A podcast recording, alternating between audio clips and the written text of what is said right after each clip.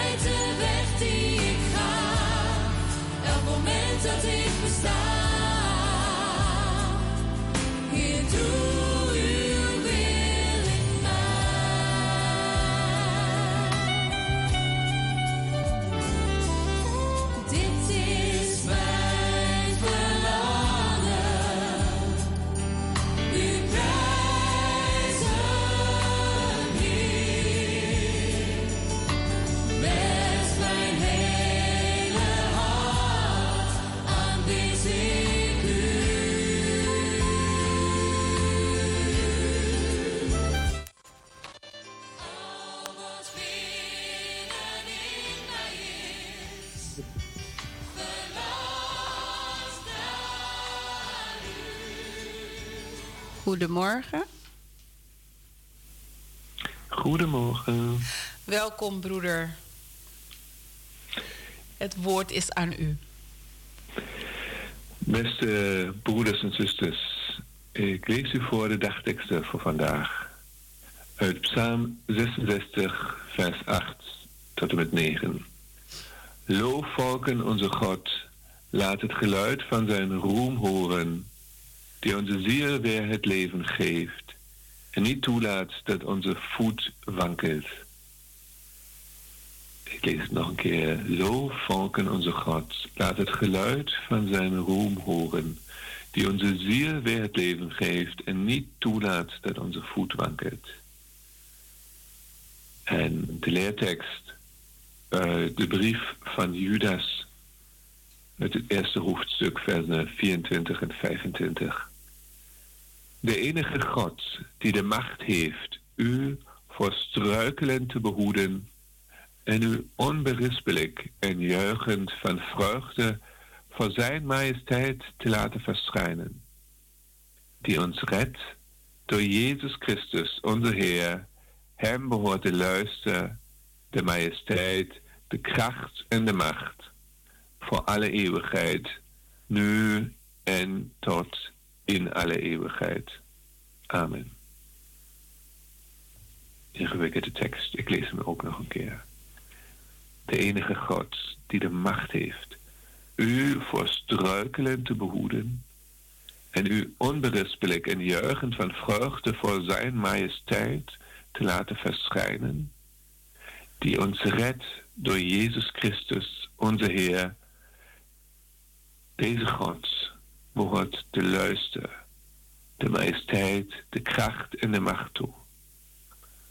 Voor alle eeuwigheid, nu en tot in alle eeuwigheid. Amen. En daarbij staat een liedvers van Gerhard Terstegen.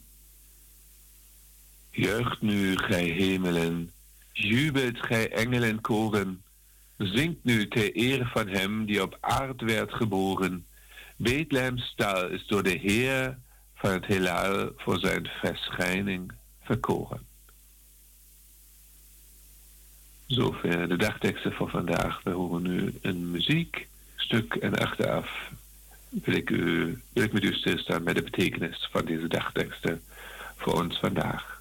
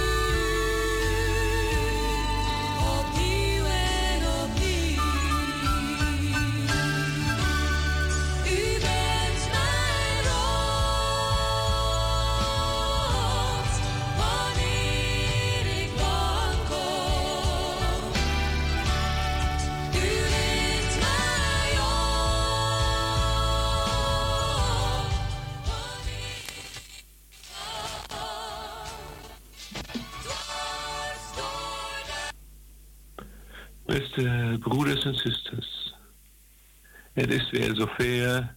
De kaart van Nederland kleurt weer geel of zelfs oranje vanwege gladheid. Wanneer u naar buiten gaat, moet u opletten dat u niet uitglijdt. Voorzichtige stappen zetten en niet te haastig lopen. Zo voorkomt u dat u niet struikelt en valt. Als het spiegelglad is, dan is het het beste om iets te hebben waarop ik kan leunen. Iets dat vast is, dat me staande houdt. Daaraan moet ik denken wanneer ik de dagteksten lees. Ook als maatschappij kunnen we wankelen en vallen. En dan, die, dan niet over spiegelgladde straten, maar over ethische vraagstukken. Hoe gaan we om met eenzaamheid? Of met vluchtelingen die naar ons toe komen? Hoe gaan we om met de natuur en het milieu? De dagteksten geven een ongebruikelijk advies wat dat betreft. Loof de Heer onze God. Dat zal je niet zo snel horen bij op één of bij Jinek en ook niet in de Tweede Kamer als het om dergelijke vraagstukken gaat. Maar hoe werkt het? Hoe kunnen wij loven als wij moeilijke ethische vraagstukken hebben. Nou, loven, dat kijkt terug op wat wij hebben meegemaakt. Wat God voor ons in het verleden heeft gedaan. En loven vervult ons met dankbaarheid voor het goede, voor Gods aanwezigheid en Gods leiding in het leven. Nou, Loven is ook eerlijk. Het verklaart niet alle dingen zomaar voor goed. Fouten blijven fouten. En wat niet goed gegaan is, mag ook eerlijk benoemd worden. Maar als wij loven, dan zien we met, met dank in ons hart wat God heeft gedaan in het verleden. Waar God ons steun heeft gegeven, waar God ons leiding heeft gegeven. En dankbaarheid groeit vertrouwen voor de toekomst.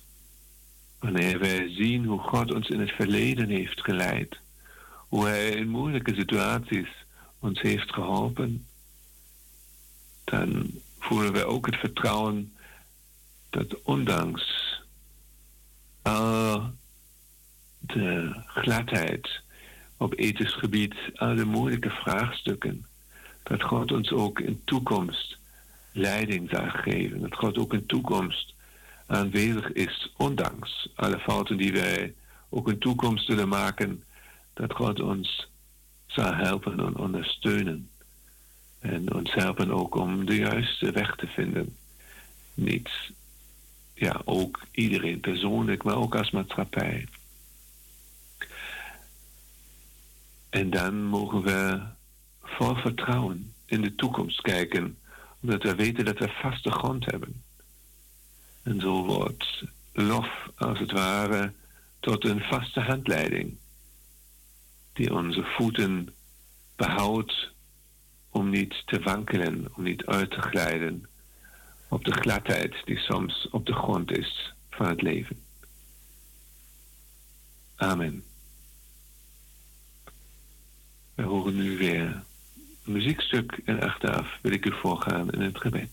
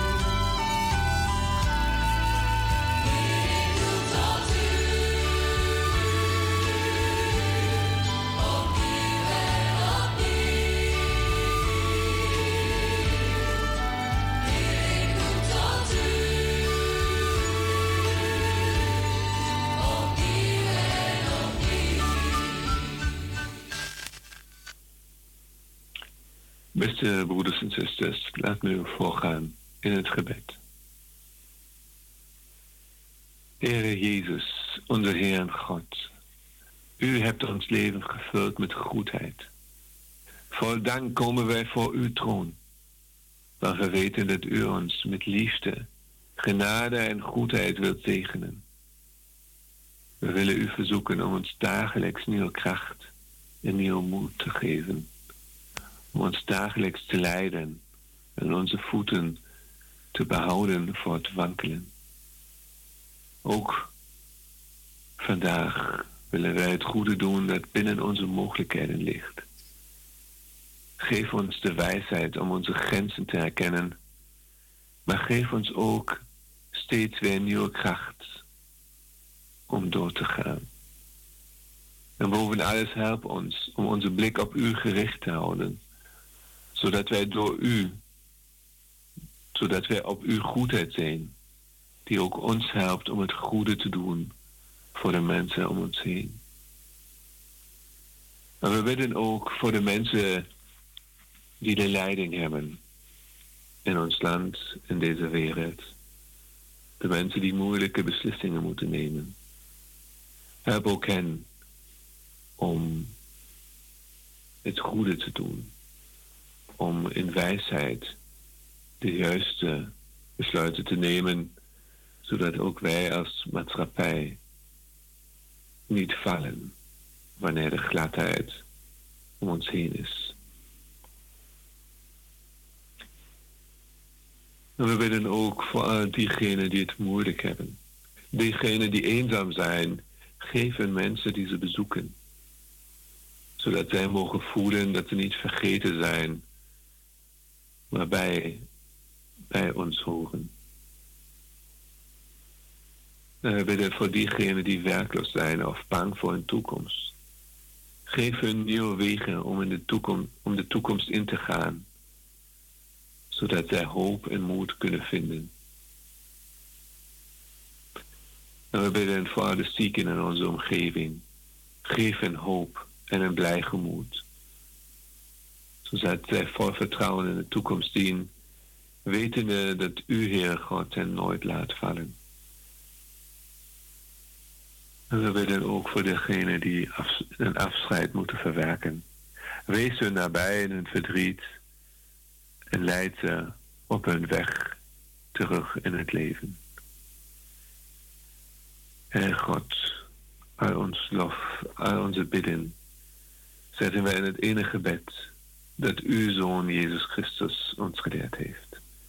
Onze Vader die in de hemel zijt. Uw naam worden geheiligd. Uw wil geschieden. Uw koninkrijk komen, gelijk in de hemel als ook op de aarde.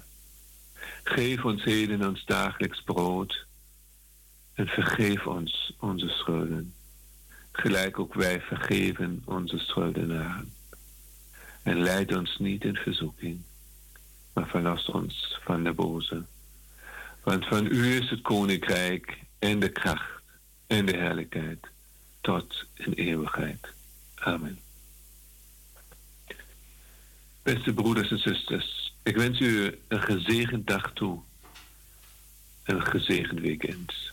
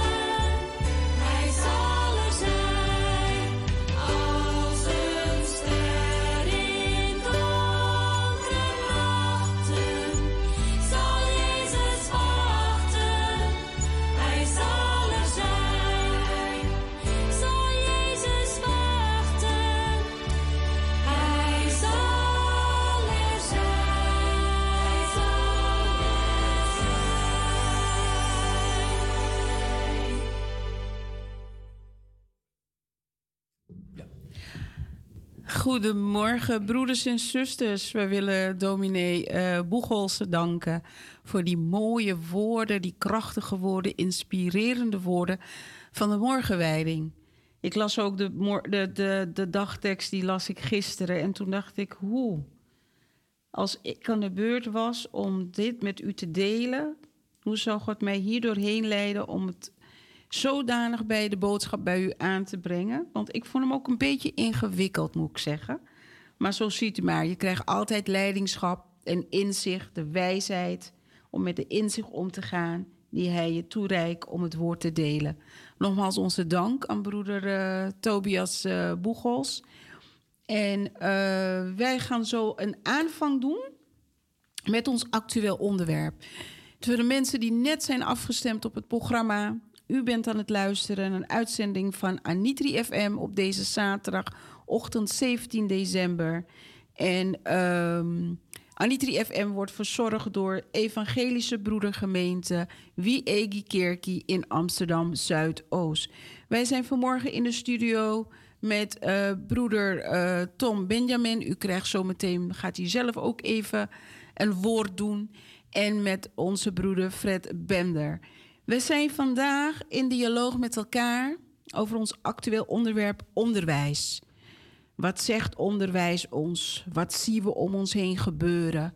Wat was het mooie van onderwijs en wat is nog steeds het mooie van onderwijs? Deze periode zien we heel veel dingen voorbij komen in het nieuws, social media, wat betreft onderwijs. Ouders die zich niet gehoord voelen, ouders die boos zijn, kinderen die misschien vaker ingedeeld worden in andere klassen. Het onderwijs moet staande blijven. Help, wij hebben geen leerkrachten, geen docenten.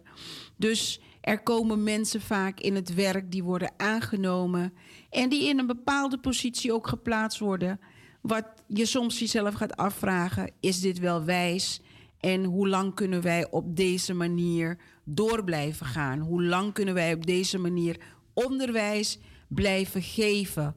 Is het kwaliteit nog goed inzicht? Is het nog een goede fundament waar wij aan onze kinderen, wat we toevertrouwen, aan de bestuurs van scholen, aan de gemeentes, aan onderwijsleerkrachten, onze kinderen om onderwijs te kunnen krijgen, zich te kunnen ontwikkelen, om ja, zich verder te gaan ontwikkelen in deze maatschappij. En dan hebben we het over onderwijs breed basisschool, middelbare school, hoger beroepsonderwijs.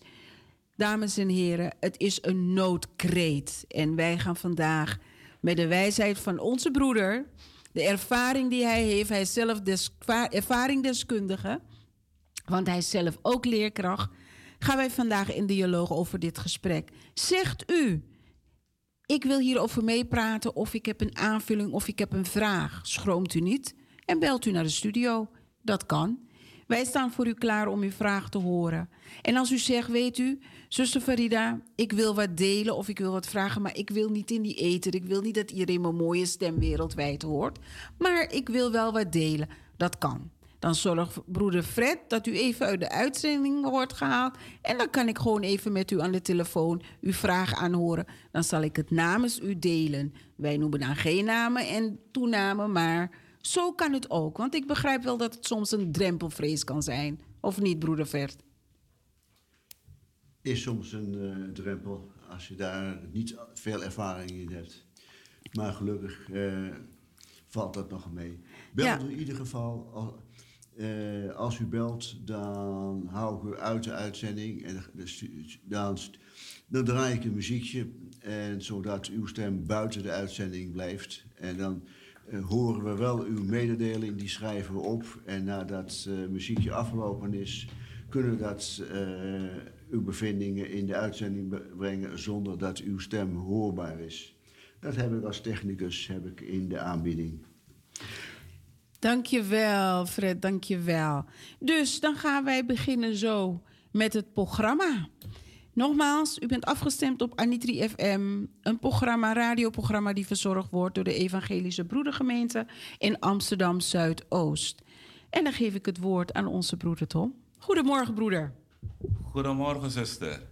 Welkom, welkom, welkom. Wat, wat heeft u allemaal voor ons om vandaag met ons te delen? Nou, wat ik met u allen wil delen, ik wil uh, ook aan broeder Fred een uh, goedemorgen zeggen. Broeder Fred, goedemorgen. Goedemorgen, en Tom. Heel blij dat u ons vandaag weer ondersteunt bij de techniek. Graag gedaan. Ja, nou, het is, uh, het is elke dag weer bijna voorpagina nieuws. Lerarentekort. Lerarentekort, over en weer hoor je het. En het blijft maar doorgaan. En de vraag is waarom zoveel ophef over lerarentekort? Ja, we leven in een maatschappij en in een maatschappij, om mee te gaan, om mee te doen in de maatschappij, heb je vaardigheden nodig. En die vaardigheden die kan je in of op bepaalde plaatsen leren. Maar de meest aangewezen plaats is, is het onderwijs op school. Ja, en uh, het is toch een, een, een, een, een heikel punt als je hoort dat er alleen maar in Amsterdam dat er 14.000 leerlingen van de basisschool zonder een vaste docent zitten. En dan schrik je een beetje. Zeer zeker. En dan denk je soms 14.000 banen. 14.000 leerlingen. Als je hem omzet, dan, dan praten we over een tekort van bijna 5, 5 à 600 fulltime banen binnen het basisonderwijs alleen. We praten dan nog niet over het voorgezet onderwijs. En daar hebben we het alleen maar over Amsterdam.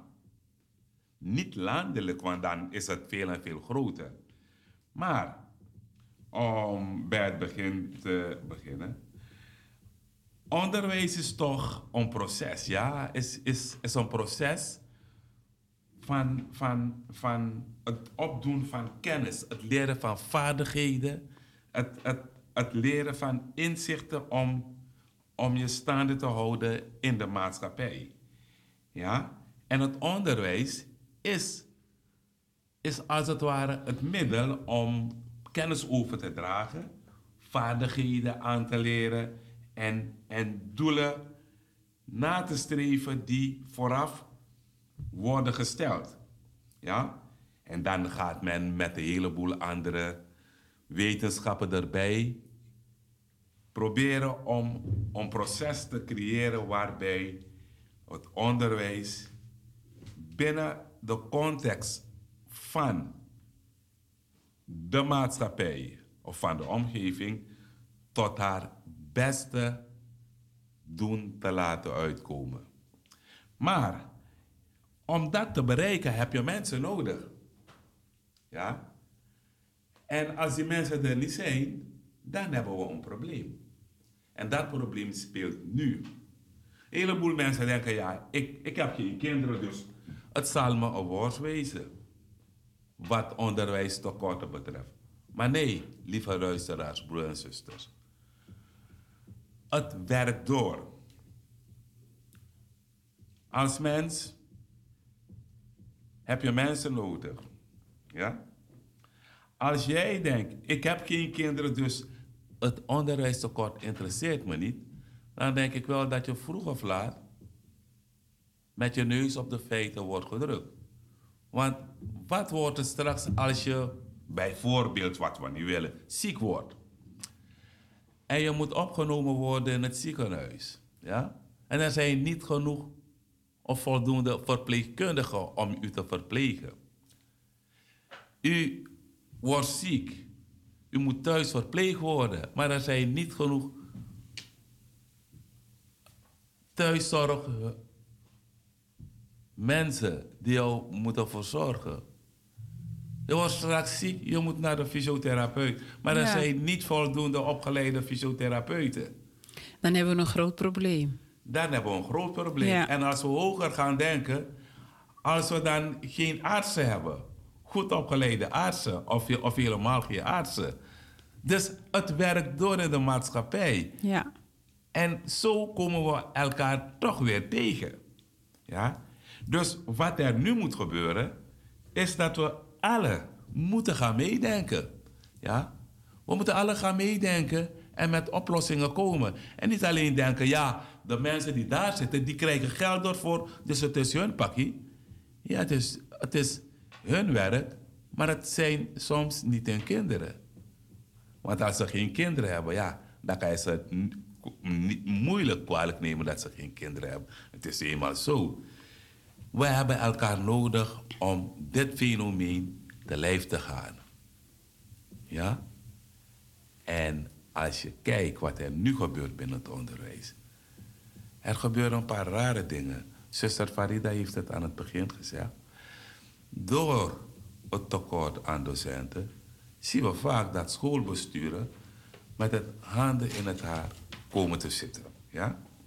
Ze moeten kiezen uit verschillende kwaden op bepaalde momenten.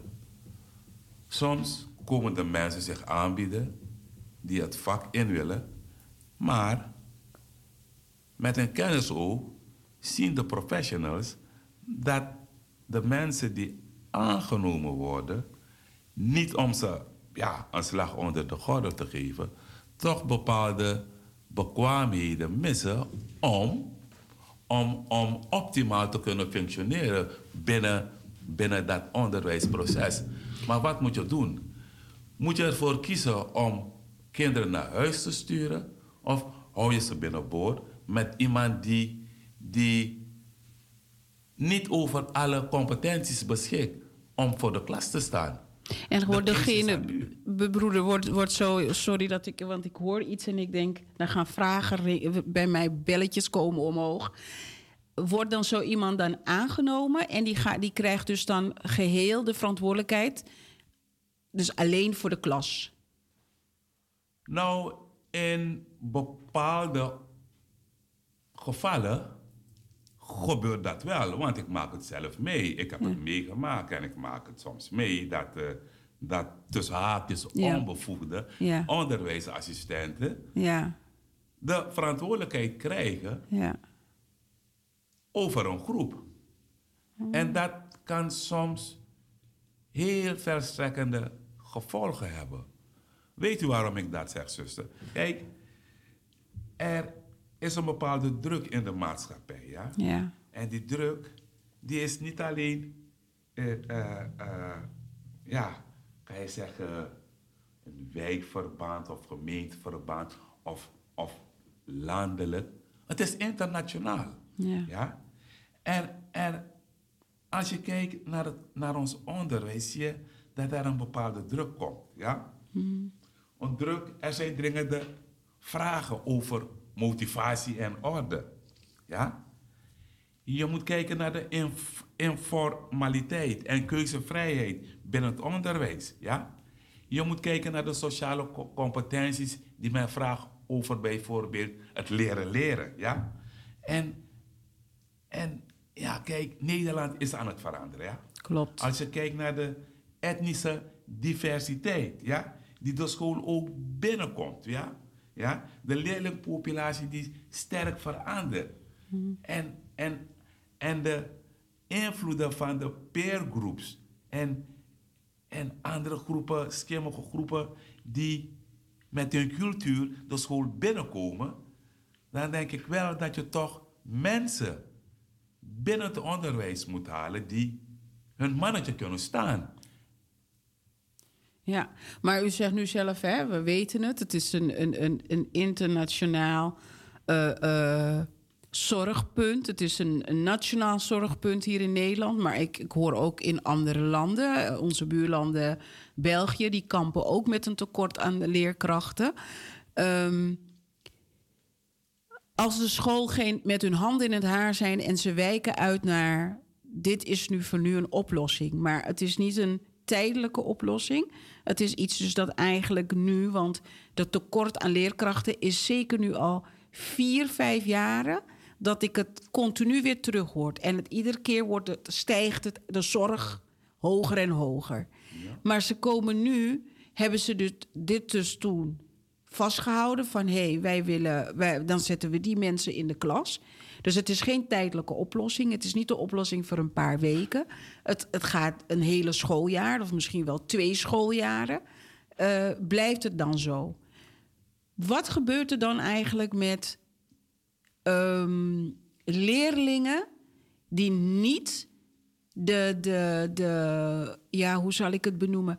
Die niet de lessen krijgen eigenlijk op de manier dat het zou moeten gebeuren. Die, die bekwaamheid, want dan missen deze mensen bepaalde bekwaamheden, bepaalde competenties, zijn ze nog niet helemaal in ontwikkeld. Wat gebeurt er dan met zo'n kind? Kijk, de gevolgen van zo'n kind kunnen heel divers zijn. En niet alleen maar voor het kind, maar ook voor zijn omgeving. En dan begin ik met de thuissituatie. Want wanneer een kind bepaalde competenties die hij of zij op school zou moeten meekrijgen, niet meekrijgt door lerarentekort, werkt dat door. Ja? Je ziet het duidelijk, en ik heb het geobserveerd, dat, dat leerlingen die, die bepaalde competenties missen door lerarentekort, waarbij klassen vaker worden weggestuurd.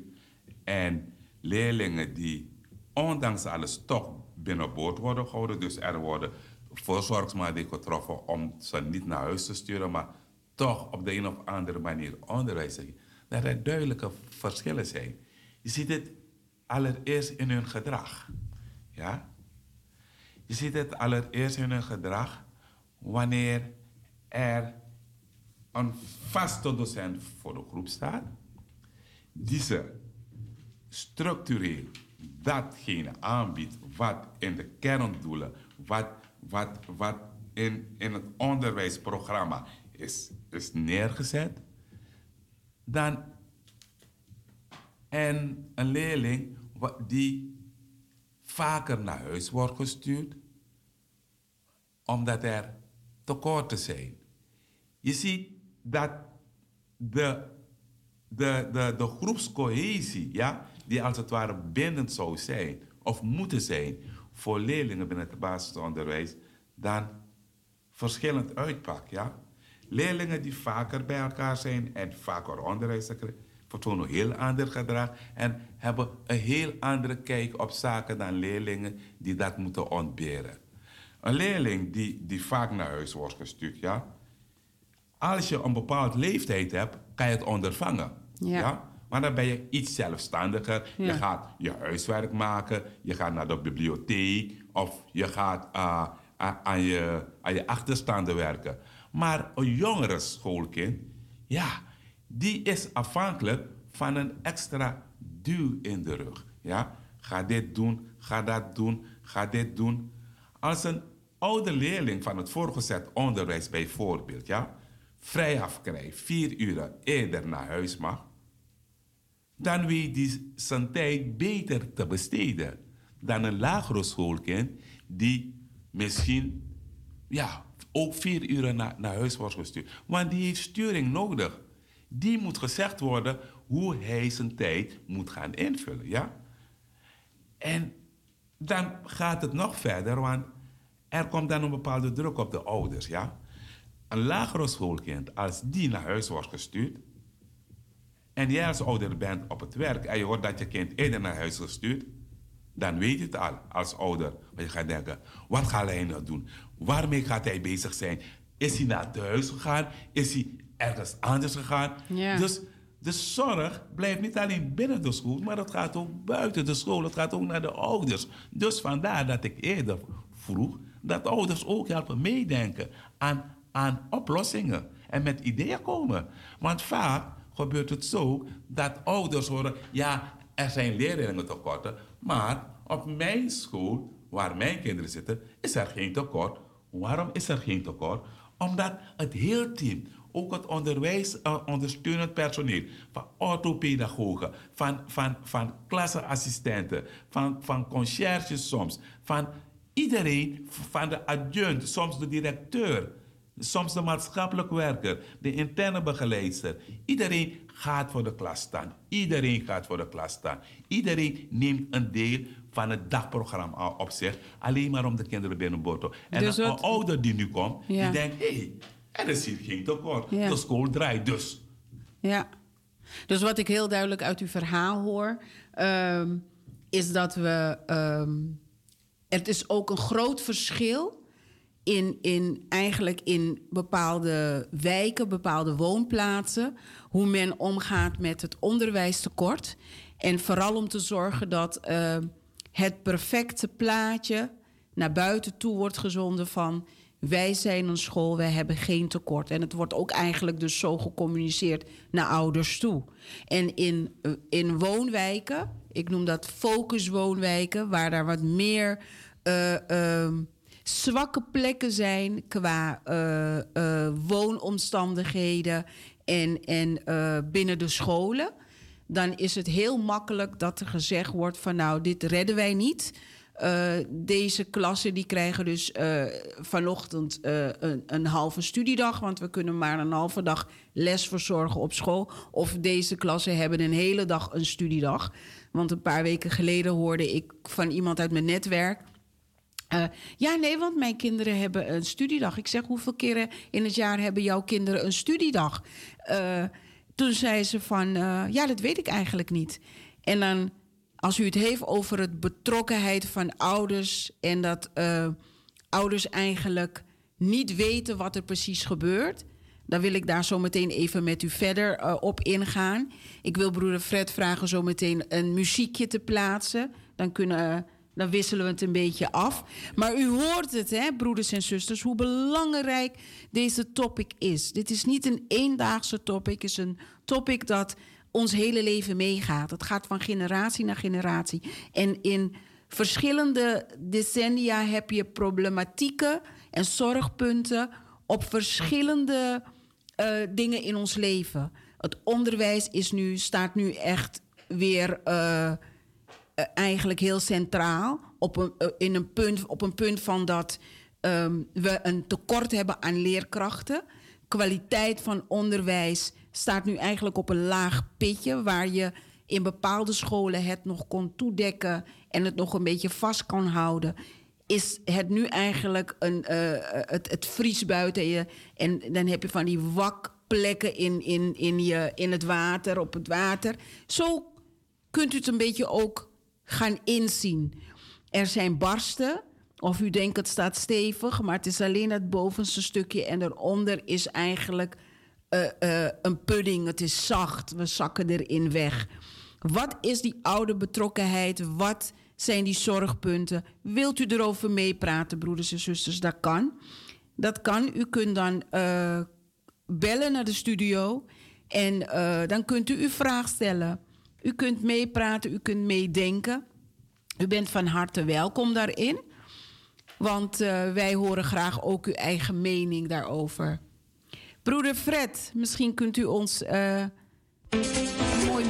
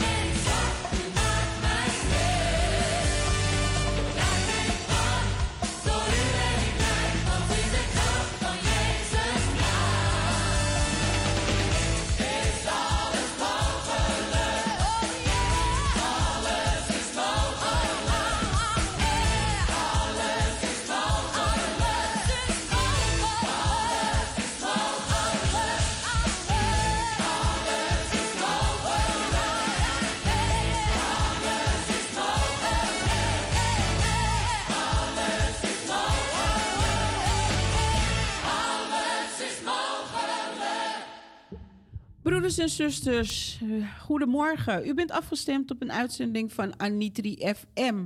Dat verzorgd wordt door de Evangelische Broedergemeente Wie Kerkie in Amsterdam Zuidoost.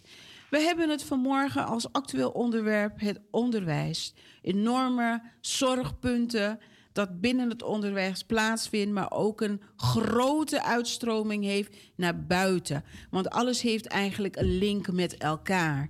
We zijn vanmorgen in gesprek met uh, broeder Tom Benjamin, die zelf ook leerkracht is, dus de ervaringdeskundige in dit stuk waar we het over hebben.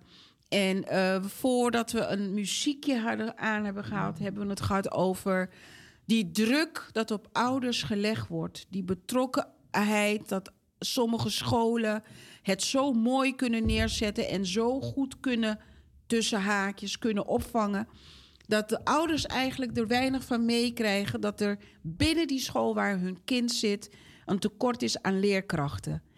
En dan heb je weer andere scholen in andere wijken, andere woon, in andere woonplekken. In, eigenlijk in iedere stad heb je scholen die het, uh, al is het één of twee, die het zo kunnen opvangen dat het naar ouders toe bijna niet zichtbaar is en ook niet hoorbaar is dat een tekort er is.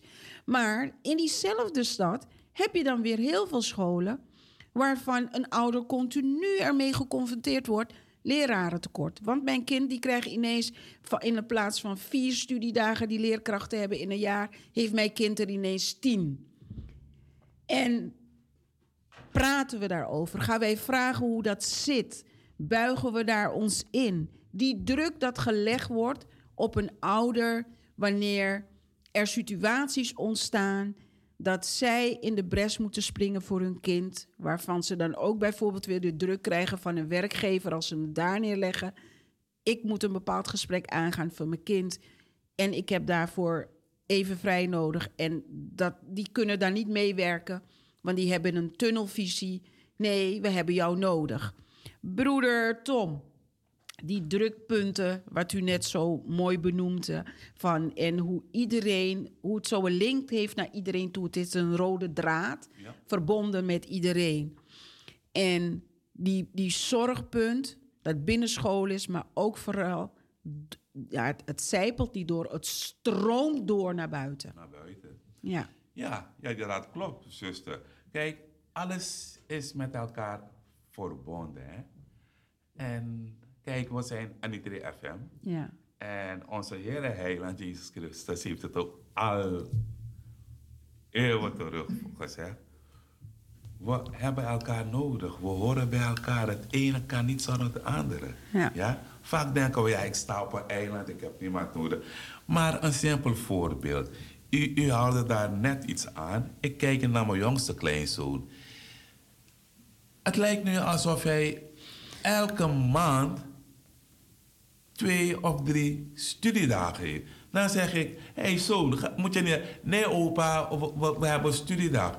Dan denk ik, hoe kan dat nou? Studiedagen waren een tijd door sporadisch. Ja. Het was maar één of twee keer in het jaar. Klopt. Maar nu lijkt dat als het ware een alternatief om, om de tekorten een beetje op te vangen. Ja. Maar dat legt geen zoden aan de dijk, weet je.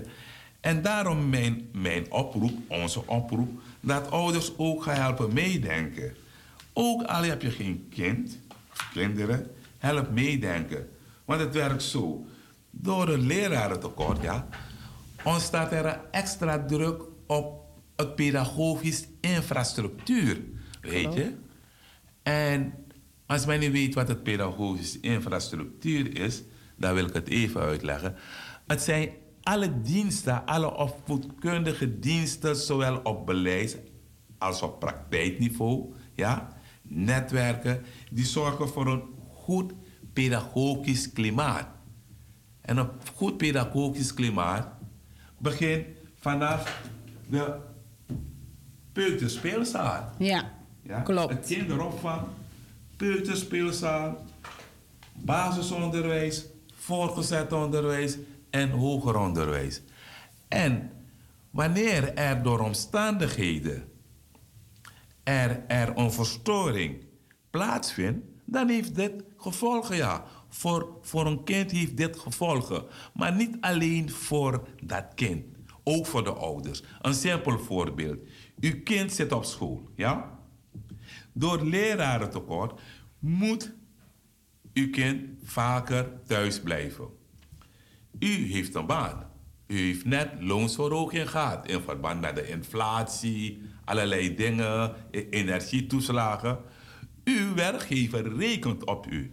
Maar omdat uw kind weinig onderwijs krijgt, veel thuis is, gaat uw kind een bepaald gedrag vertonen. Want je kind mist dan de groepscohesie. Hij mist de peergroep. Er komen allerlei dingen, allerlei andere sociale dingen komen aan bod.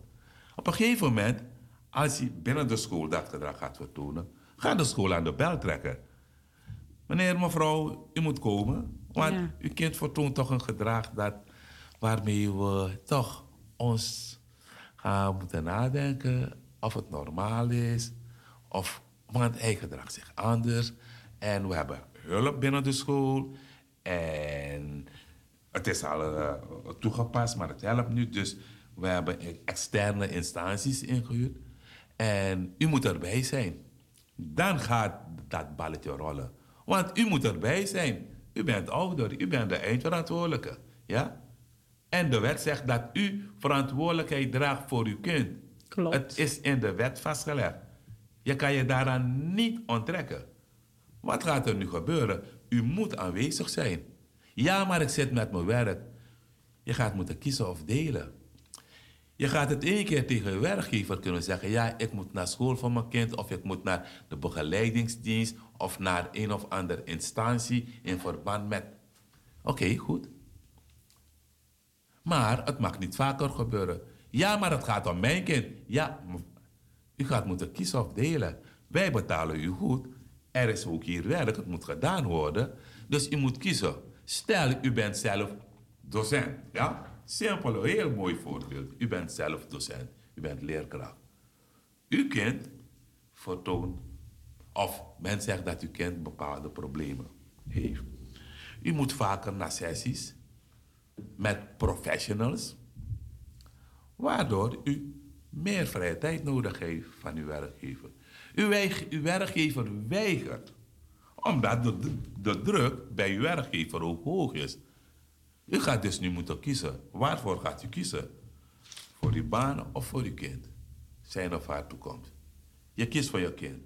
Je komt in de clash met je werkgever. In plaats van 40 uur zeg je tegen je werkgever: luister, ik ga in plaats van 40, ga ik nu maar 28 uur werken. Je gaat 28 uur werken, dat wil zeggen dat 12 uren opgevuld moeten worden. Binnen de school. Jij bent zelfs ook leerkracht. Jij, door dit alles, komen, komt de hele klas van 40 leerlingen, of ietsje minder, onder druk te staan. Want die gaan minder lesuren moeten krijgen. Die gaan misschien naar huis gestuurd moeten worden. Dus je ziet het. U denkt, het is mijn pakje niet, maar het werkt door. Op een gegeven moment kom je in, echt in de clinch met je werkgever. Je werkgever gaat zeggen, oké, je moet kiezen of delen, want werkdruk is hier hoog. Andere collega's gaan er ook onderdoor. Op een gegeven moment zeg je, luister nog, het gaat nu om mijn kind. We zijn twee verdieners, we kunnen het met één salaris doen. Ik stap voorlopig uit het onderwijs. Nou. Dan heeft de school een nog groter, probleem. probleem. Want dan Ja. gaat het niet meer om één kind, jouw kind, maar het gaat om 28 andere kinderen of 30 andere kinderen. Ja. Ja. Dan hebben we een, een, een eh, als de school in die tunnelvisie blijft, van zo werken wij, en niet eh, flexibel mee kan om te zeggen van oké, we hebben hierin nu een, een, een oplossing nodig om die 12 uur op te vangen, zodat we kunnen zorgen dat onze collega in ieder geval in dienst blijft, maar dat ze die 12 uren die ze nodig heeft om aan dit te werken, om voor haar kind er te zijn, dat we creatief mee gaan denken, flexibel mee gaan denken, hoe we haar daarin kunnen ondersteunen, zodat we de klas kunnen overnemen, maar ook dat ze die zorgpunt niet heeft. Want ik kan me voorstellen, als je dan in zo'n situatie zit, ga je je ook ontzettend schuldig voelen naar de kinderen van je klas, omdat je weet wat er gaat gebeuren. En je weet dat bepaalde kinderen in de klas tegen bepaalde dingen aanlopen, waar jij misschien als leerkracht extra zorg aanbiedt. Maar je grootste punt is momenteel je kind.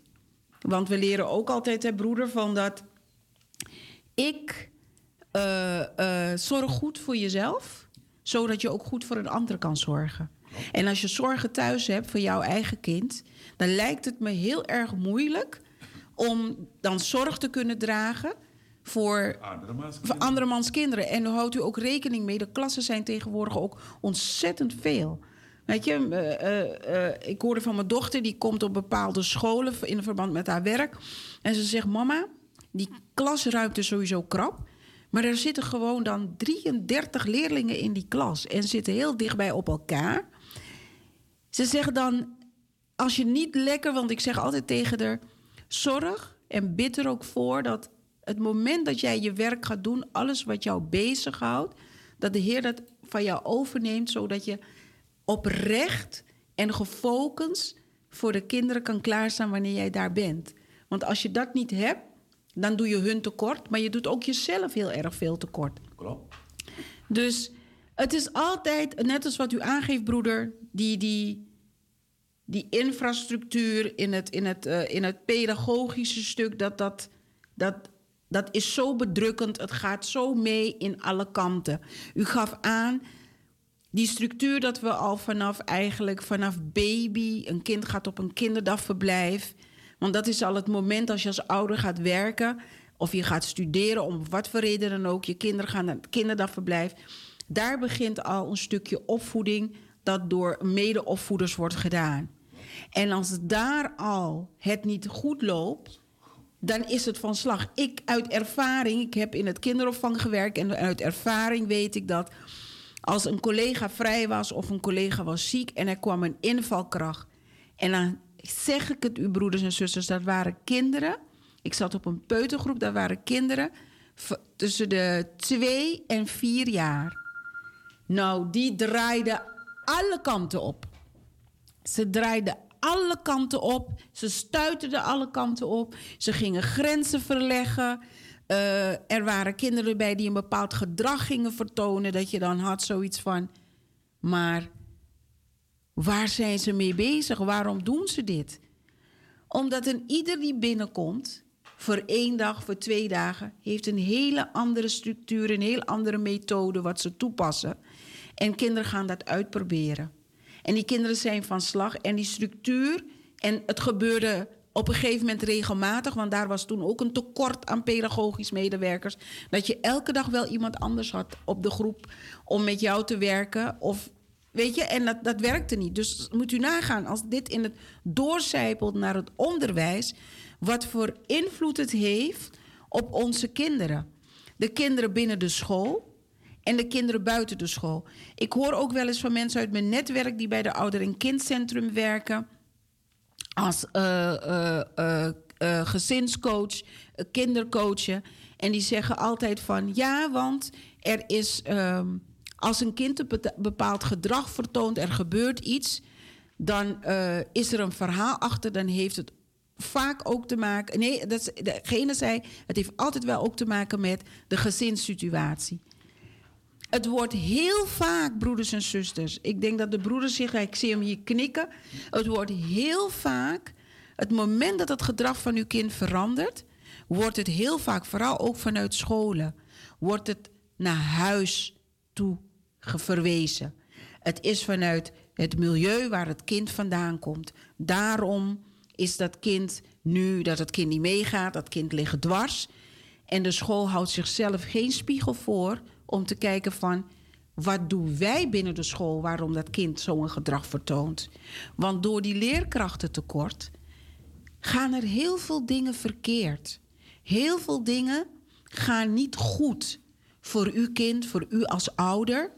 En u hoort de zeggen, die oude betrokkenheid, of ongeacht of we nou jonge kinderen nog hebben of dat we geen kinderen hebben, we kunnen meedenken, we kunnen elkaar ondersteunen. Want waar een ene misschien niet krachtig in woorden staat om het te kunnen uiten in woorden, is een ander wel. En als je met z'n tweetjes naar een gesprek gaat of een gesprek aangaat, waar de ene hoort, wat de andere niet hoort, hoort die andere wel. En zo kan je elkaar ondersteunen. Het, het is zo belangrijk om hierin betrokken te zijn, om in ieder geval te weten van hoe kan mijn kind van twee, twee à drie studiedagen per jaar naar ineens tien zijn gegaan. Gaat u dat gesprek aan met school? Want wat denkt u zelf, broeder? Is dat niet ook een. Uh... Nou, nou, kijk, het zijn gesprekken die ouders vaak niet durven voeren. Weet je? Ze, ze zijn vaak bang om te denken: ja, maar dan gaat de school mee uh, uh, in, een speciale hoek plaatsen. Ja, maar die ouders zijn moeilijk hoor. Met die moet je rekening houden. Wacht, we, gaan, we, gaan er, uh, leren dat ze hier niet 1, 2, die binnen mag stappen. Nee, schroom daar niet voor. Het is jouw kind. Want ik, ik, ik ben al zo lang in het onderwijs. Ik heb zoveel studies gedaan. En ik merk altijd wanneer het fout gaat, is de eerste persoon naar wie men wijst, het zijn de ouders. Thuis gaat het fout. Maar men vergeet ook om een deel van de school bij te vermelden. Ik zeg dit omdat ik vaak. Onze excuus voor dit. ik zeg dit omdat ik vaak mee, meedraai en tegen bepaalde dingen aanloop. Ik zie vaak dat scholen dingen voor ouders vaak onder de mat stoppen. En ik heb vaak tegen collega's gezegd, tegen ondersteuningsdiensten, waarom doen jullie dat? Er gebeurt iets, het gedrag is niet goed, maar hoe komt dat gedrag? Een simpel voorbeeld. Ik merk dat door het onderwijstekort er een heleboel mensen worden aangetrokken. Niets tegenop. Maar vaak is het gevolg van wat er in dat proces gebeurt niet te overzien. Een simpel voorbeeld. Ik merk op bepaalde scholen waar ik soms ga om met collega's te praten en ook op mijn, mijn vestiging, zie ik dat er heel veel jonge mensen binnen worden gehaald. Die zijn nog zelf lerende, zij zitten nog op het PABO of hebben een bepaald, zijn bezig een bepaalde vak te, te studeren, die krijgen een groep. Zijn jong. Ik werk met jong volwassenen en dan zie je een bepaald proces. De jonge docenten of de onervaren docenten, die willen goed goed vriendschap hebben of houden met de studenten. No? Oké. En dan ontstaat er een heel vervelende situatie. Je begeleidt ze, je legt ze uit hoe ze ervoor moeten gaan staan. Nee, maar ze denken, ja, ik sta hier, dus ik ga het op mijn manier doen. Men gaat dus een bepaalde vriendschap willen aansluiten met de leerlingen. Maar die leerlingen zijn daarop niet berekend. Die nemen alles over. De jonge docent is bang om de orde te handhaven zoals je hem hebt gevraagd te doen. Wat gebeurt er? Omdat hij dat niet heeft gedaan, ontstaat er chaos. Ja. Chaos leidt tot allerlei excessen.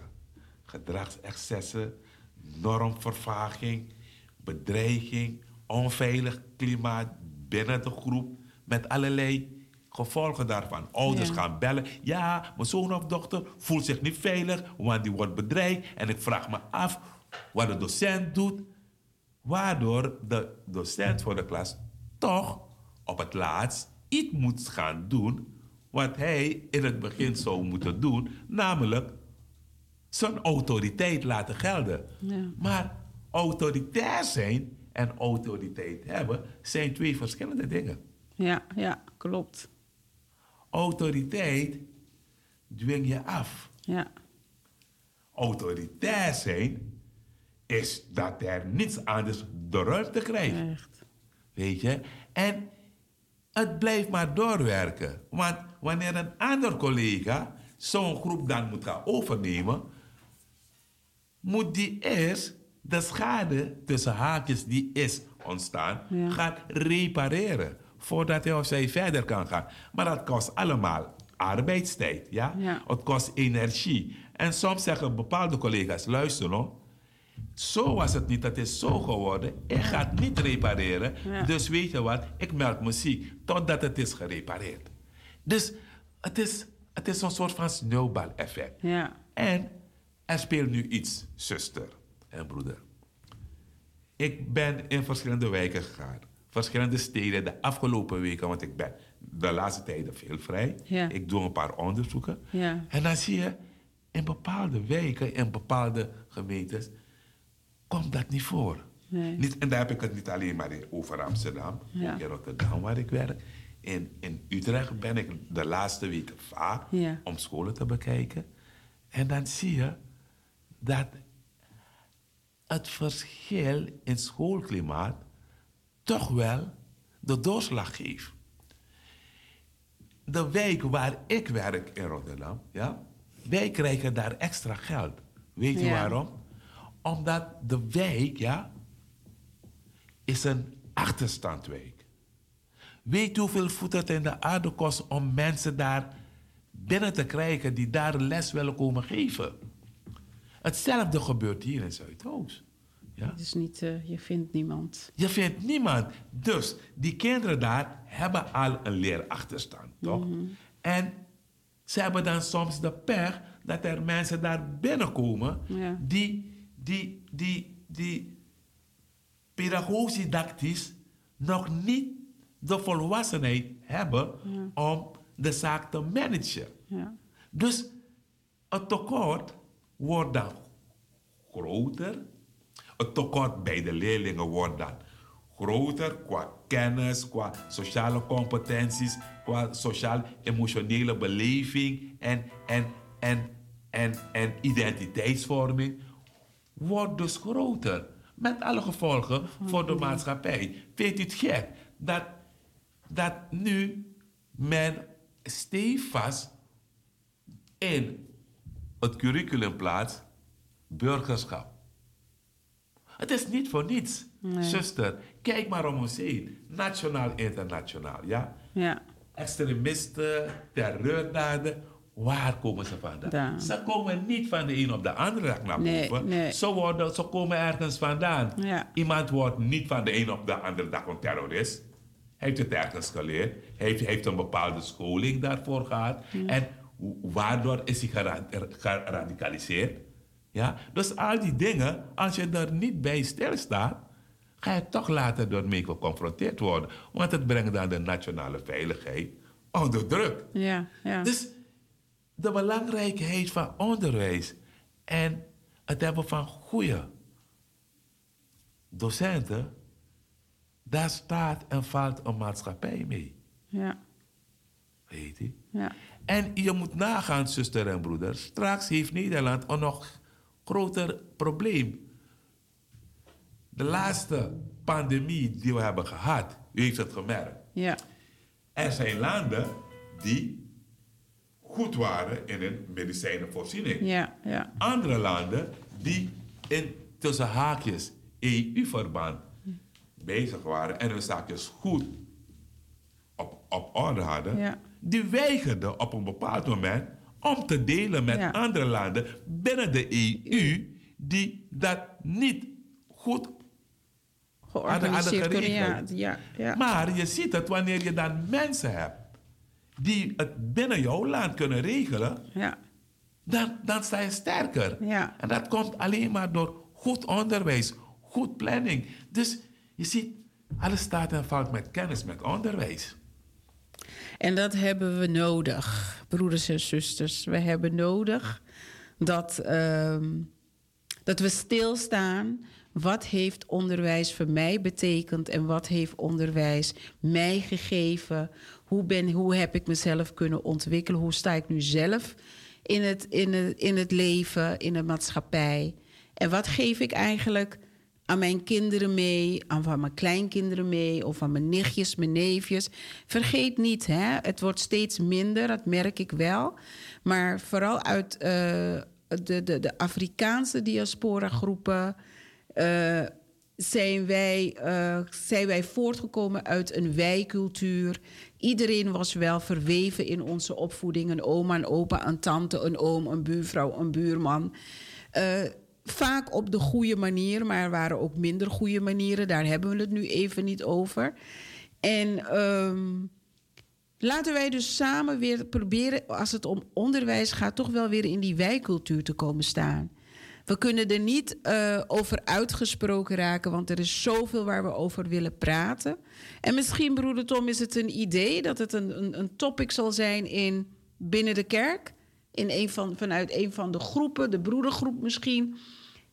Misschien is het om te polsen, om te kijken hoe staan onze gemeenteleden hierin, onze medebroeders en zusters, hoe staan ze er hierin? En als je zoiets organiseert en iedereen zegt van, ik neem twee mensen mee, dan heb je een goed gevulde meeting. En het gaat niet om honderden mensen, maar het gaat erom dat je het zaadje kan planten van hoe serieuzer wij dit moeten nemen. Want iedereen vindt onderwijs belangrijk. Iedereen wil dat zijn of haar kind naar school gaat.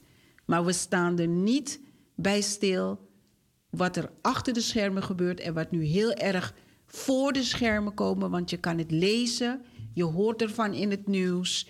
Weet je, je, je kind komt elke dag naar huis weer met een, andere, een ander bericht, een andere situatie van binnen de school. En hoe kunnen we dit oplossen? Broeder, gezien de tijd, want het is nu inmiddels al tien voor half elf en we moeten zo meteen ook de kinderen even goed in de watten leggen met het kinderverhaal. Um, willen we, gaan we dit onderwerp voor nu een beetje afronden? Maar ik wil aan u vragen, u deed een oproep. Laten we samen kijken wat we hier aan kunnen doen, kunnen praten. Wat wilt u nog meegeven aan onze broeders en zusters die luisteren en die het later op de dag of morgen weer naluisteren? Wat wilt u meegeven als leerkracht en als, als mens, als broeder in de Heer dat uh, dit zo belangrijk vindt? Het is een beroep wat u al jaren uitoefent, maar die zorgpunt, wat, is, wat wilt u nog meegeven? Nou, u heeft daarnet iets belangrijks gezegd. Kijk, ik heb dit punt vaker op de agenda gezet binnen de kerk.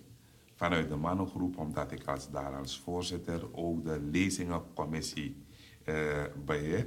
Ik haal uh, deskundigen buiten binnen die op bepaalde onderwerpen dieper ingaan. En ja. ik probeer zoveel mogelijk de, de gemeente erbij te betrekken. In het nieuwe jaar staan er een paar items die ik nog niet ga verklappen op agenda van deskundigen die ik binnen zal halen. En uh, ik doe mijn best om, uh, om, om onderwijsdeskundigen, uh, want ik ben zelf meer gefocust op onderwijspedagogiek. Ja. Dat, dat was mijn hoofdvak op de, op de, op de, op, op de hogescholen Amsterdam en Rotterdam.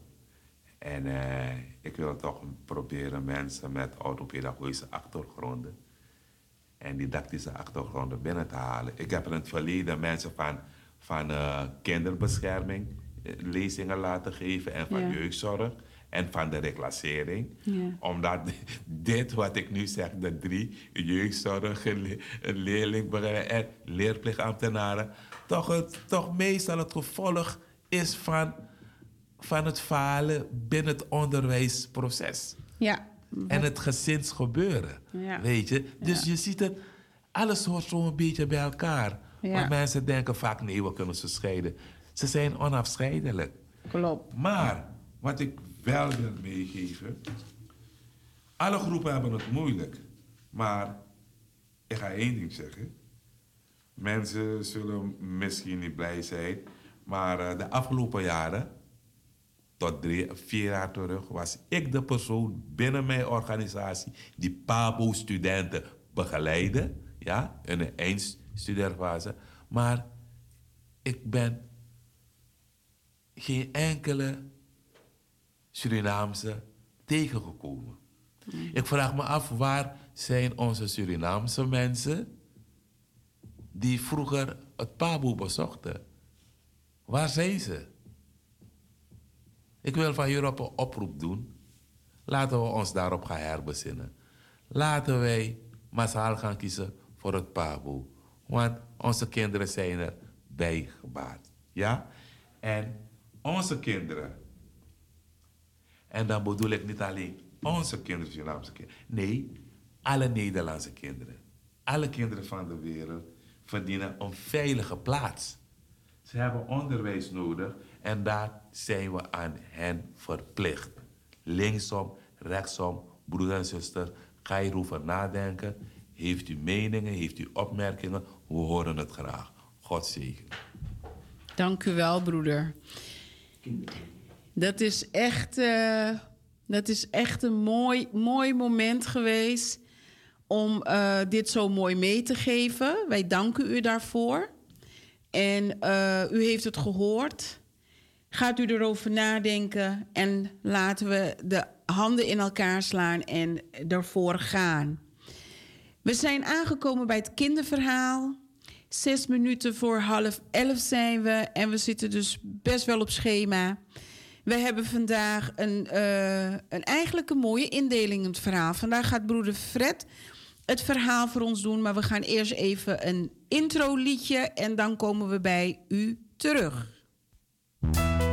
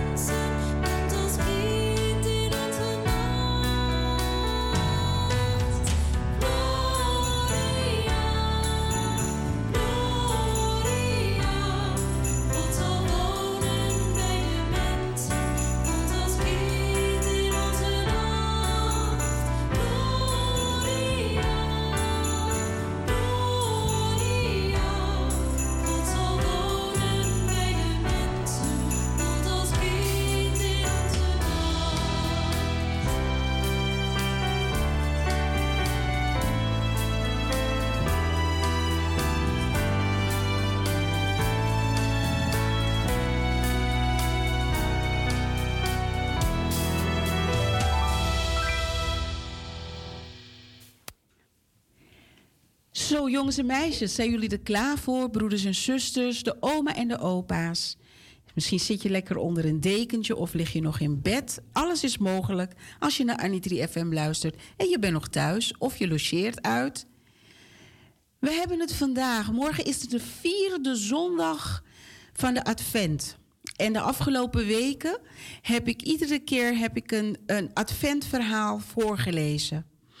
En uh, totaal hebben we vijf uh, verhalen, dus vijf Bijbelse teksten waar een verhaal aan gekoppeld is. En vandaag gaan we alvast de vierde lezen, want morgen is de vierde zondag Advent.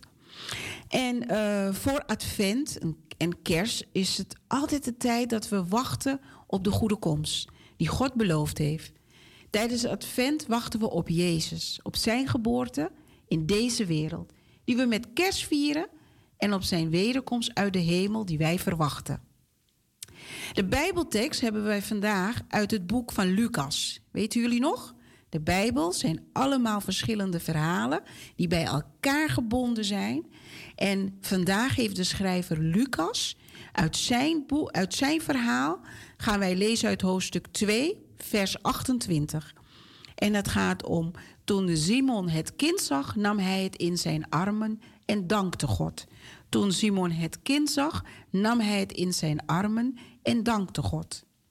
Voordat wij beginnen met het verhaal, jongens en meisjes, zullen wij samen even een gebed voorgaan. Dan wil ik aan jullie vragen: geef een hand aan iemand die naast je zit en anders vouw je je handjes in elkaar. Goede God, Het is nu de tijd van Advent. Advent is een tijd van wachten. Vandaag horen we dat Simon en Hanna wachten. Ze wachten op de redder van Israël. Ze wachten al hun hele leven lang. En dan gebeurt het. Het lange wachten wordt beloond. De belofte is vervuld. Wij wachten ook op de redder van de wereld. Wilt u ook ons wachten belonen? We kijken naar hem uit. Amen. Dan geven we het woord aan onze broeder Fred, want die gaat vandaag voor jullie het verhaal voorlezen. Ja, dames en heren, jongens en meisjes, broeders en zusters, allemaal aanwezig op deze frequentie. Ik heb de taak uh, toebedeeld gekregen om voor het kinderverhaal voor te lezen. Voor te lezen. Eliam, zegt mama, opa moet vanmorgen naar de tempel. Kun jij met hem mee? Eliam kijkt op. Hij is net knikkers aan het maken. Knikkers van klei. Ze moeten alleen nog maar gebakken worden in de oven. En dan zijn de knikkers klaar. Eliam kan niet wachten tot hij ermee kan spelen. Maar ja, voor hij dat kan doen, moet hij eerst met opa naar de tempel. Opa Simeon woont bij Eliam en zijn familie thuis. Opa is al best oud, maar hij wil nog steeds vaak naar de tempel toe. Omdat hij denkt dat de redder binnenkort komt. De Heilige Geest heeft het tegen me gezegd, vertelt opa vaak. De Heilige Geest heeft gezegd dat ik voor ik sterf de redder zal ontmoeten die God zal sturen. En ik denk dat ik hem dan in de tempel zal ontmoeten. Simeon wacht zijn hele leven op de redder die God zal sturen. Heel veel mensen wachten op de redder. Maar zou hij echt binnenkort komen? Eliam vraagt het af. Maar dat zegt hij natuurlijk niet tegen opa. Het is een flink eind lopen naar de tempel. En het is een warme dag. Maar opa loopt snel. We moeten opschieten, zegt hij tegen Eliam, zijn kleinzoon. De Heilige Geest zei vanmorgen tegen me dat ik vandaag in de tempel moest zijn. Er gaat iets bijzonders gebeuren. Wat dan, opa? vraagt Eliam. Opa glimlacht. Dat gaan we straks zien, zegt hij.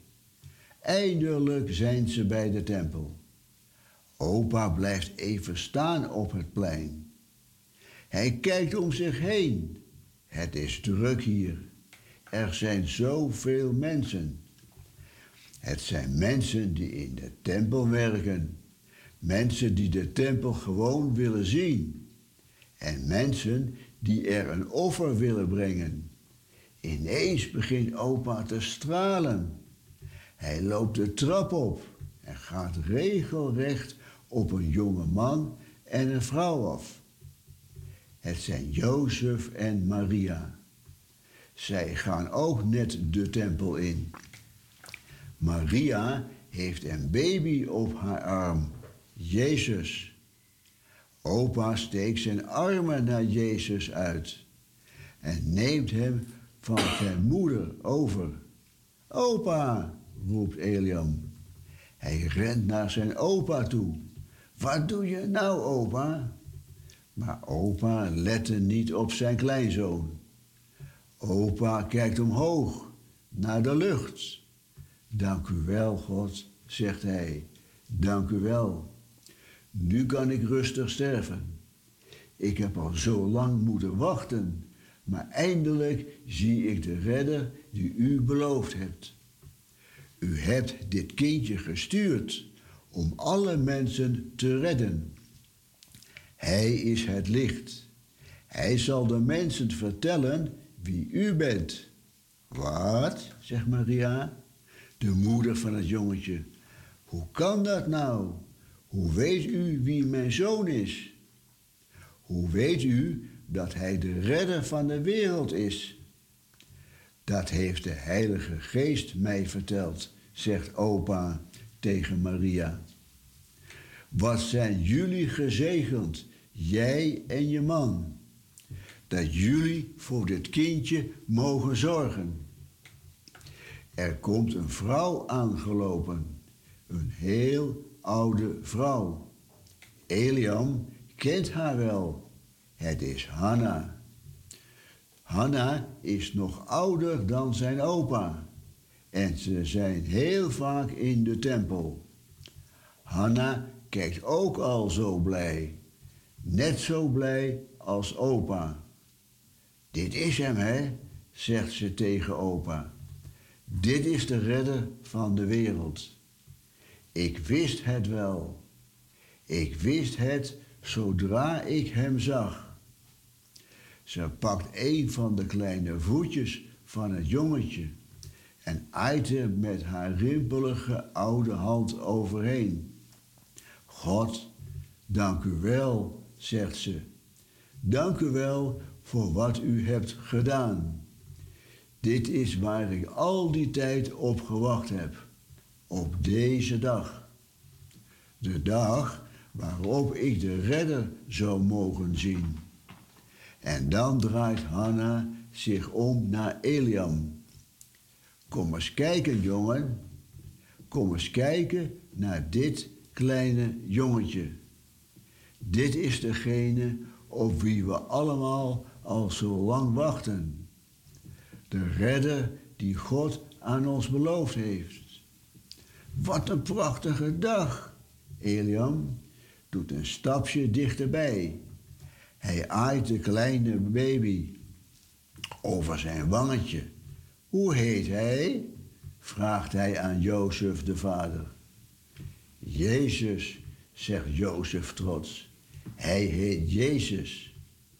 God red betekent dat. Deze jongen gaat op een dag bijzondere dingen doen. Een tijdje later gaat Jozef en Maria weer naar huis met hun kindje. En Eliam en zijn opa gaan ook weer naar huis. Opa loopt langzaam, maar hij ziet er blij uit. Wat een mooie dag, hè, opa, zegt Eliam. En zijn grootvader knikt. Een prachtige dag, zegt hij. Dit was de allermooiste dag van mijn leven.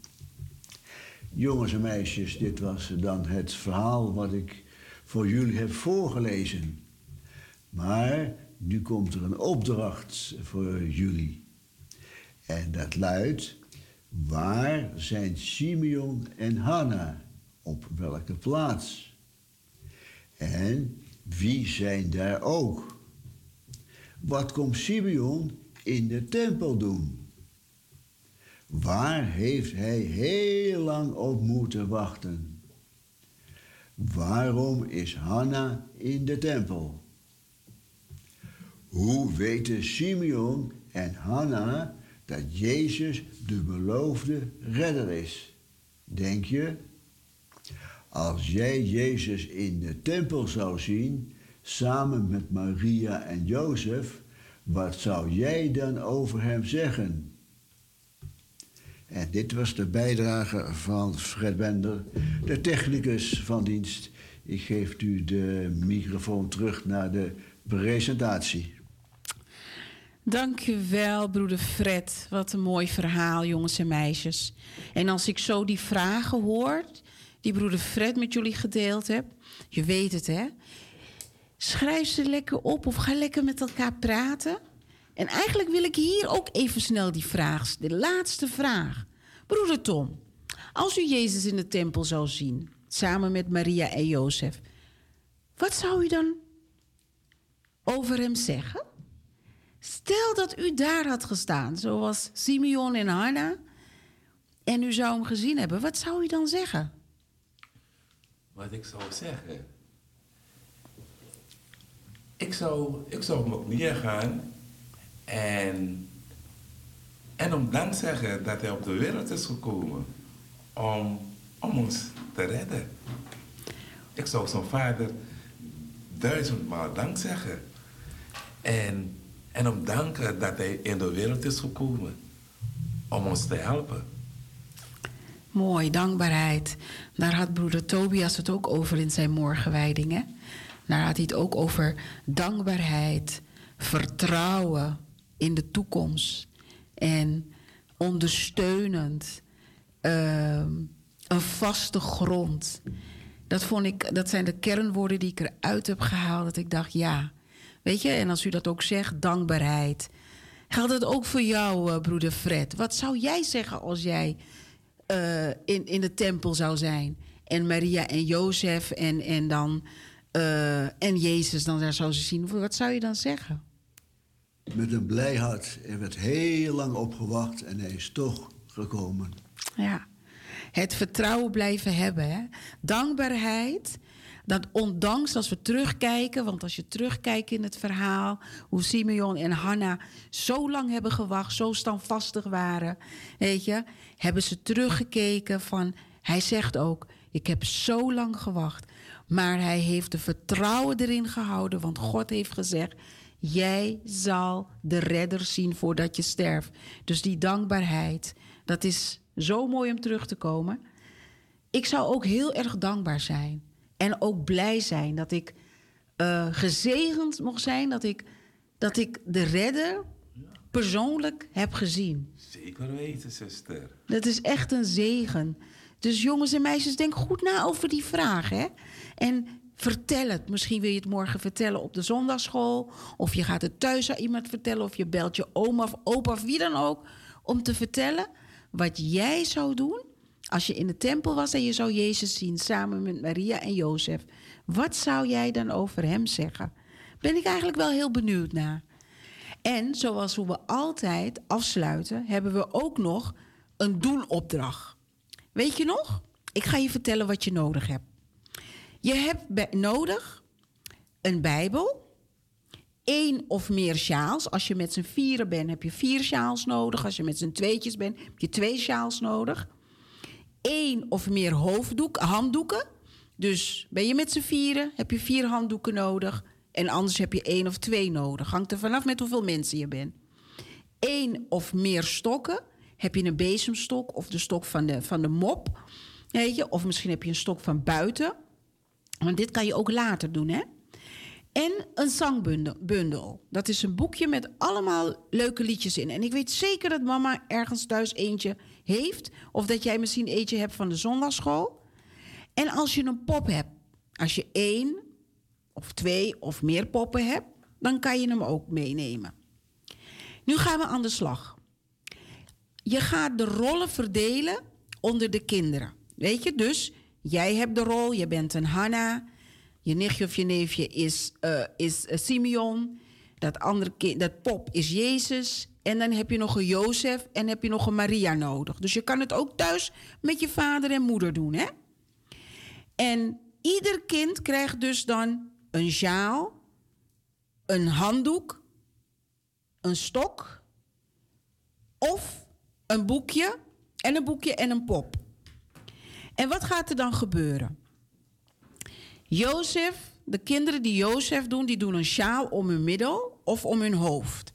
De kinderen die Maria spelen, die houden een handdoek opgerold in hun armen. Eventueel kan er een babypop in worden gelegd. En de kinderen die Simeon spelen, die kinderen lopen met een stok.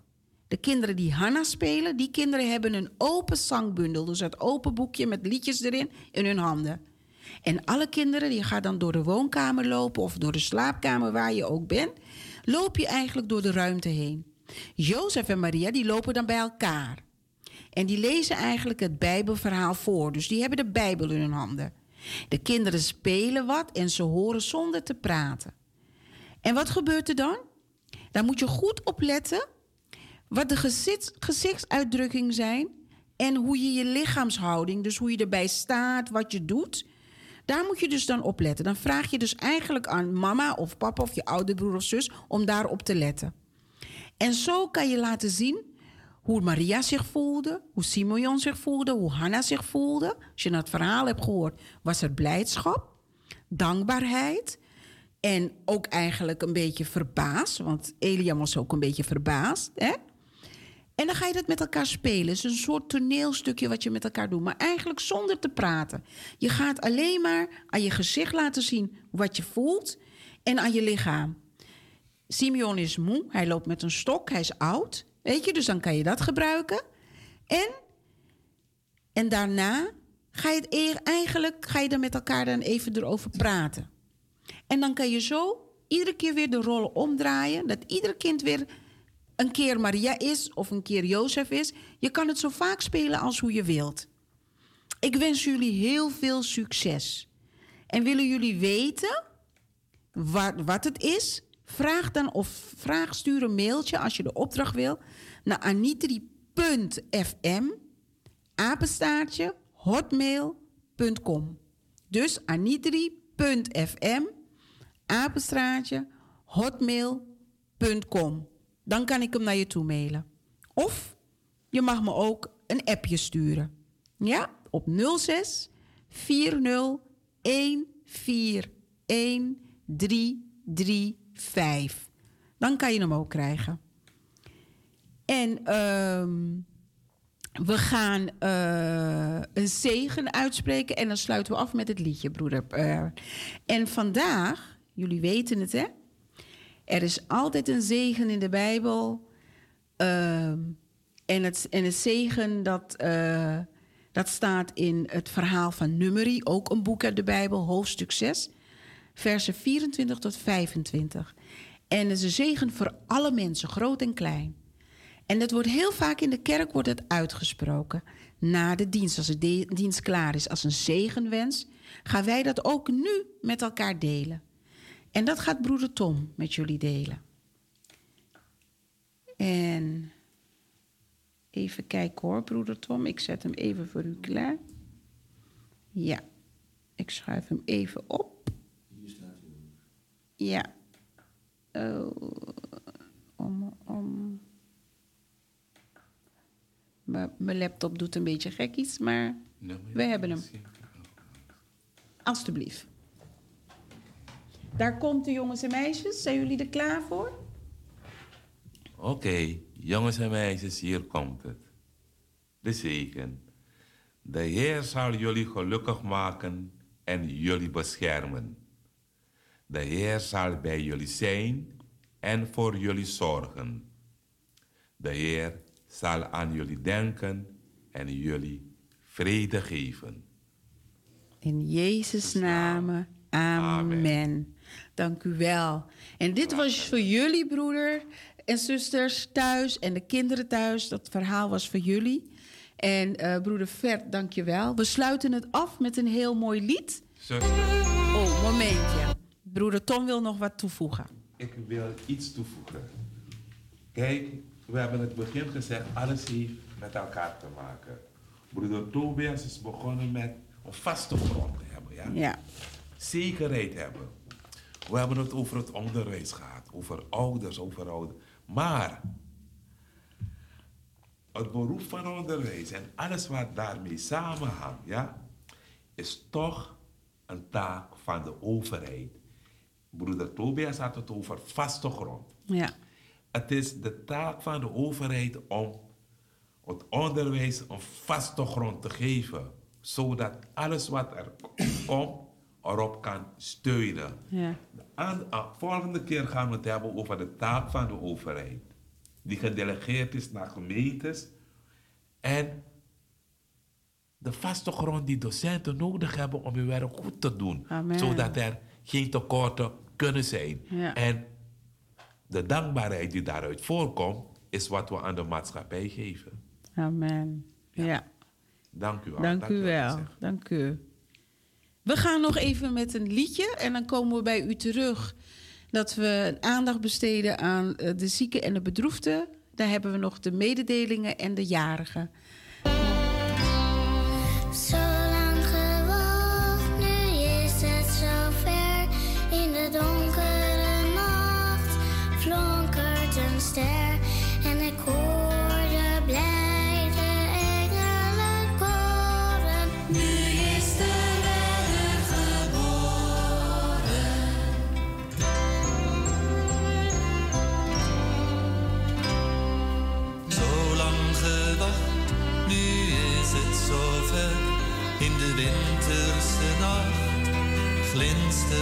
step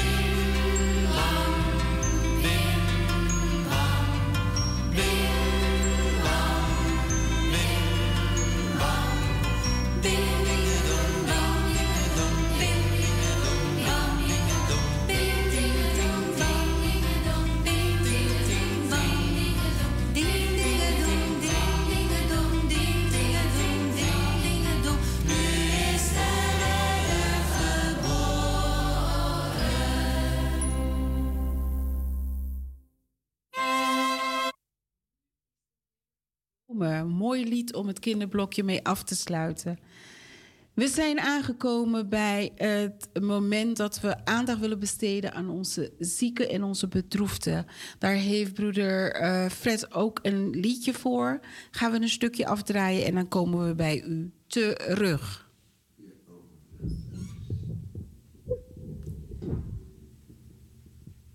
Lukt het? Oké, dan kunnen we misschien eerst beginnen met de tekst als het nog niet eh, helemaal. eh, even kijken. Broeders en zusters, even een momentje alstublieft. Er is even iets, een kleine, kleine mankementje even met de, de, de techniek. Maar wij willen vanuit Anitri FM willen wij ehm, ieder heel veel sterkte toewensen. Die iemand ter graven moet brengen. Of die eh, eh, iemand die heel erg ziek is. Of misschien heeft u te horen gekregen dat er niet beterschap is in uw ziekte. Wensen we u God kracht, troost en nabijheid toe. Dat hij u mag blijven leiden en dat u erop mag blijven vertrouwen. Dat hij u bij zal staan. Roept u hem aan in uw gebed. En legt u het ook bij hem neer. Heb u vertrouwen dat hij u aanhoort en dat hij er voor u is. Wij kunnen niet alle pijn en verdriet wegnemen, maar we weten wel dat we op de Heer mogen vertrouwen, dat hij er voor u, allen, voor mij, voor ons hier in de studio is, dat hij er altijd voor ons is. Broeder, lukt het met het muziek?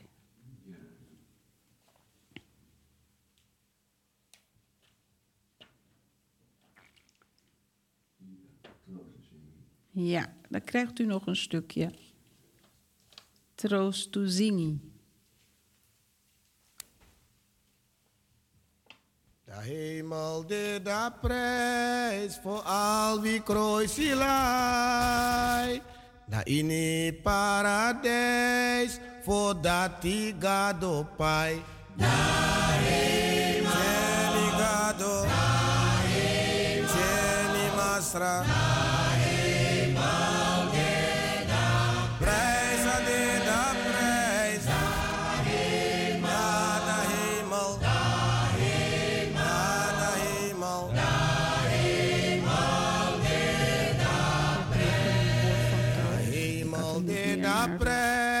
prijs voor noti widoke. Bikana paradijs, Zo broer en zuster. In ons allemaal leven gebeuren er minder prettige dingen. Verdriet, droefheid.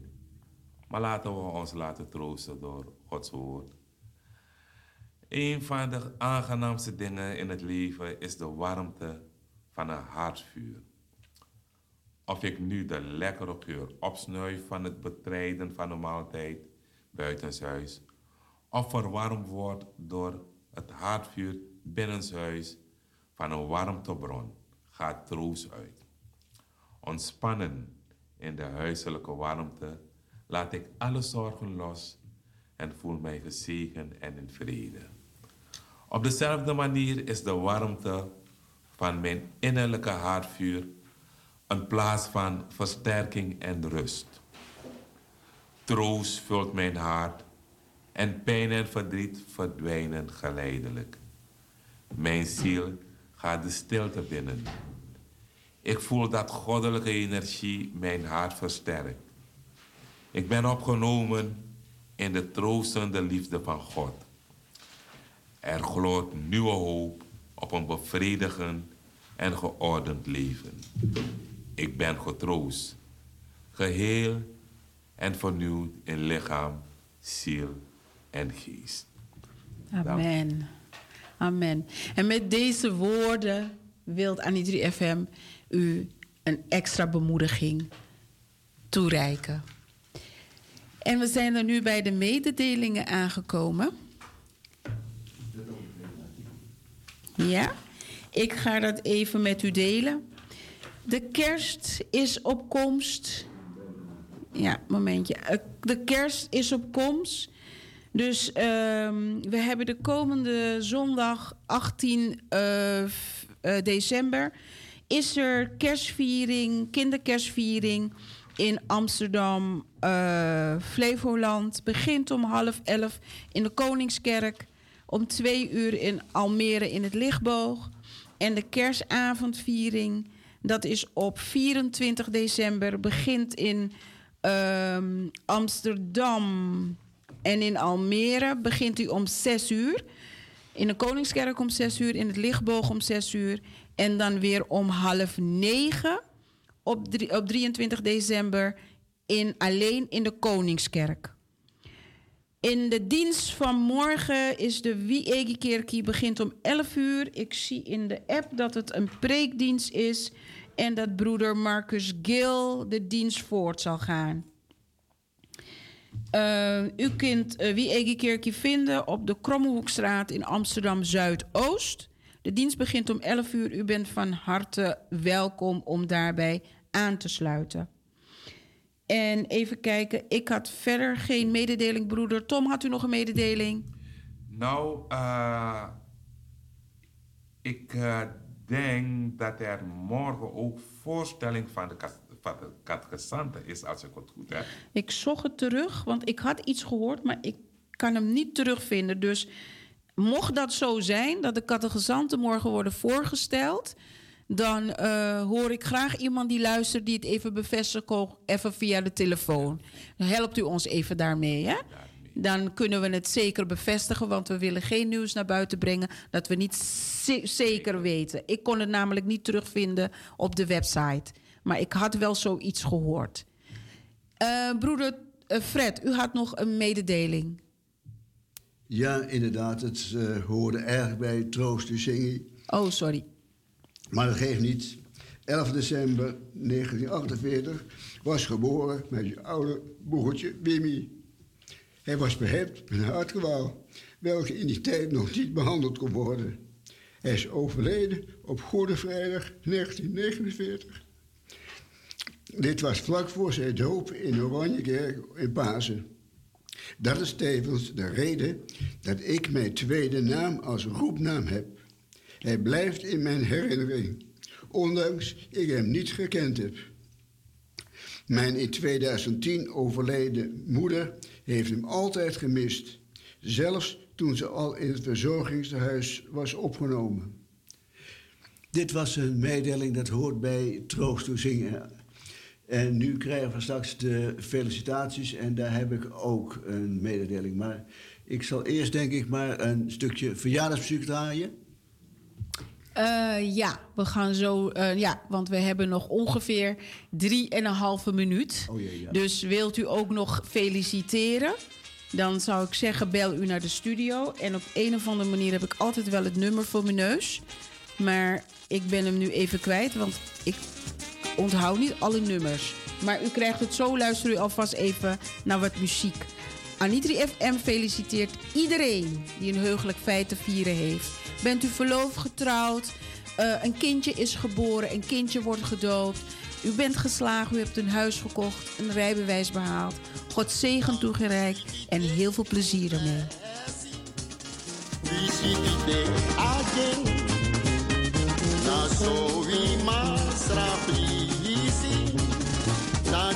Na de piri. You de parave.